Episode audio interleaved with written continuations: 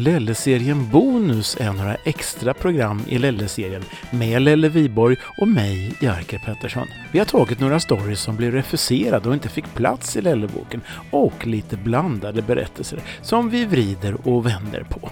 Även Lelle-serien Bonus hör du på Tyresöradion.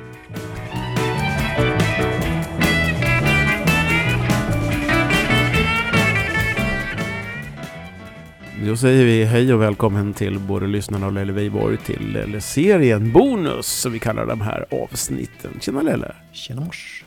Vi ska väl den här gången, har jag förstått, ska vi ta oss in lite grann i mopedvärlden på ett sätt, eller Mm. hur? Va? Igen. Igen, för vi Ja. var ju där med den här Ja. killen som ja, skulle köpa bensintanken som inte Mm. lyckades med det. Mm. Här handlar det väl inte så mycket om moppar i sig utan mer om hur man kan uppfatta saker och ting. Om man åker moppe så kan man Ja. bli uppfattad, kan man säga. Kanske. Precis, på olika sätt.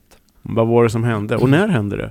Ja, det här är inte så fruktansvärt länge sedan utan det kan väl, vad kan vi ha pratat om, 90, början på 90-talet kanske? Ja, det är alltså 25 år sedan då. Mm, Ja, det, det, jag kanske tog i lite nu. Det kanske inte var mer än 15-20 år sedan då, men åren går så fort så man hinner inte med riktigt. Nej, det är 2020 redan. Ja, undan går det. 2-0, 2-0. Ja visst, precis. Här går det undan, så han som ramlar ner från taket. Ja. Mm. Ja. Ja. Eh, Jaha. I alla Mm. fall så var det som så att jag höll på med någon eh, moppe i mitt garage. Och, och det var en sån här moppe, inte någon sån här gammal gubbmoppe som jag brukar åka på. Utan det här var någon sån här crossmoppe med en massa dekaler. Och det var sex växlar och det gick undan värre och ja, sådär. Låter som en ganska häftig maskin. Ja, framförallt så var det väl inte någonting för gubbar i min ålder utan det var ju en ungdomlig maskin kan man säga. Och då tänkte jag så här att jag hade väl skruvat lite med den där och så tänkte jag att nu ska jag väl ut och provköra lite för det, det kan man ju ha, det är svårt att låta bli. Liksom det, det är kul att köra moppe. Så att jag tänkte jag åker upp till Alléplan och så köper jag mig en blaska och så åker jag hem och tar det lugnt. Så det gjorde jag. Och den där moppen den gick bra. Alltså det, och det är roligt med sådana här moppar. Man kan mata på ordentligt, liksom mycket växlar och ja.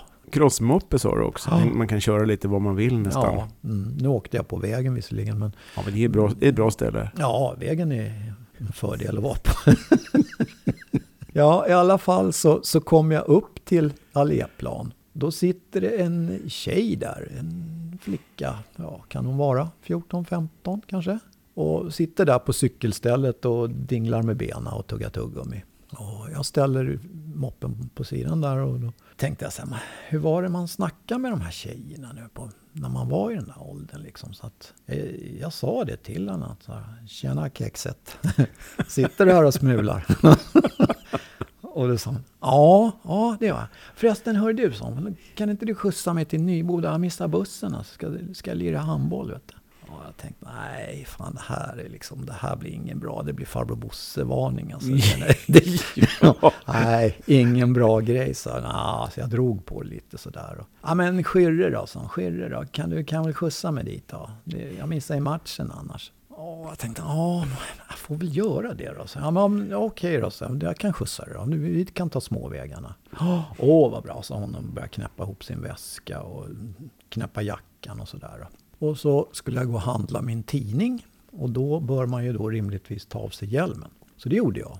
Och sen när jag vände mig om och skulle titta, då såg jag bara hennes ryggtavla. Hon sprang nerför gatan liksom. Som en, hon hade väl inte riktigt räknat med att få se mitt skrynkliga nylle och gråa hår när jag tog av mig hjälmen. Hon, det, det är ju så här då för att tydliggöra det för lyssnarna att med lite god vilja då så skulle man ju kunna kanske ta mig för en 15-åring eftersom jag är ganska liten och, och, och så skinnjacka och heltäckande hjälm liksom. Och hon trodde väl att Ja, det var en jämnårig typ. Ja, hon trodde väl fel då. Men liksom när hjälmen åkte av då, då var det inte lika roligt längre.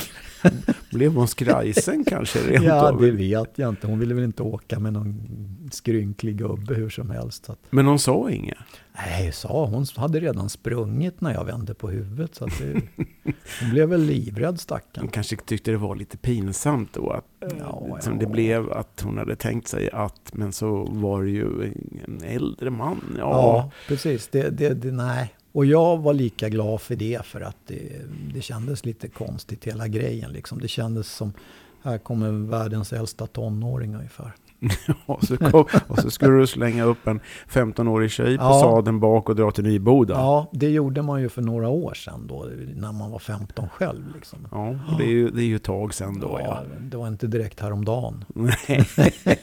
Men eh, det var ju eh, kul att hon ändå trigga på ditt sätt att eh, närma dig. Vad var det du sa? Tjena kexet, sitter du här och smular? ja, just det. Ja, men det var väl ungefär så man sa. Ja, och det funkar fortfarande då kan man ju Ty säga. Tydligen om man ger fan i att ta av sig hjälmen. kan... ja, just ja. det. Annars så hade man väl fått ett helt annat svar antar jag. Du sa det också att det var lite farbror Bosse-varning. alltså, ja. ja det, och det, det där, vi, vi, måste nästan förklara farbror ja. Bosse, va? För det, att, eh, vem var det då? Ja, alltså farbror Bosse, det är ett sånt där uttryck som, som många har lagt sig till med. Och farbror Bosse, det var ju en karaktär som, som Johan Ulveson eh, gestaltade i eh, Lorry och Yrrol och vad de hette nu för någonting. Alltså det var ju en, en, en, en farbror i scoutkostym som, som gick, ja det, hela grejen är ju ganska ruggig. Det, är det ganska bisarr? Ja, det är den. Han gick och knackade på, på olika dörrar och frågade om det fanns något, eh, någon liten tjej eller kille som han kunde få vara barnvakt åt. Och i värsta fall kunde det gå bra med en hamster också. Samtidigt som jag kommer ihåg att ja. han slickade på en jättestor ja. klubba. Ja, just precis. Och hade enorma mm. shorts. Ja, visst. Och så kallade han sig för farbror Bosse. Mm. Och det är helt omöjligt va? Det här var alltså i början på 90-talet tror jag som mm. Lorry gick, ja, eller hur? Ja, det var precis då det var i ropet, det här liksom med farbror Bosse. Ja, och man kan ju fundera på då, lite grann så här, om en sån serie skulle köras idag, är den nästan inte rumsren ju. Nej, de hade någon intervju med Susanne Reuter häromdagen på TV. Och hon sa just det att det här hade ju aldrig gått idag. För att det hade blivit folkstorm. Och det är ju lite märkligt att vi har blivit känsligare i någon mening då. Ja, det kan jag väl tycka också. För att eh, en del tycker att man kan skämta om allting och en del tål ingenting. Så det är ju, och det där märker man ju inte minst på sociala medier. Då. Lite grann så är det ju också som fan läser Bibeln på något sätt. Att det går att vända och vrida på allting så att man blir kränkt och förnedrad och illa till mots. Liksom. Man, folk har inte förmågan att, att scrolla vidare. Eller folk ska jag inte säga, vissa människor ska jag säga. Mm. Man, kan ju väl, man kan välja bort saker. Man kan välja bort saker och framförallt så, så ska man nog inte tolka allting eh, så att det blir tråkigt för en själv tror jag. Klok idé. Jag tycker mm. att den här serien Lorry var alldeles utmärkt. Det var jätteroligt med Susanne Reuter och mm. uh, Ulla Skog, Johan Ulveson. Ja. Peter Dalle. Peter Dalle, mm. och de drev ju med allting. Precis allting. Och det, jag vet inte, det var allt från sjukdomar och, och, och krig och jag vet inte. Ja, de tog allting och jag, ja. personligen så tycker jag att det som inte kan skojas om, då är det något konstigt. Ja. Jag tycker i princip att man kan skoja om ja. allting. Och jag ja. förväntar mig nästan... det gör inget om någon skulle skoja någonting om mig heller. Det, det, you are welcome. Ja, det, det är ju smällar man får ta när man är i branschen. ja, jag har ett, faktiskt ett ganska färskt exempel på det där. Eh, farbror Lelle? Nej, inte farbror Lelle och inte farbror Bosse heller, utan på det här med att folk tar illa upp av saker och ting. Jaha. Jag såg en sån rolig bild med ett par hörlurar och en, en, en knäckform i den ena kåpan. Och, och så skrev jag det, dum som jag var utan att tänka mig för, att här kommer lite julgodis för de som hör dåligt. och det skulle ju då symbolisera knäck i lurarna såklart. Ja. ja.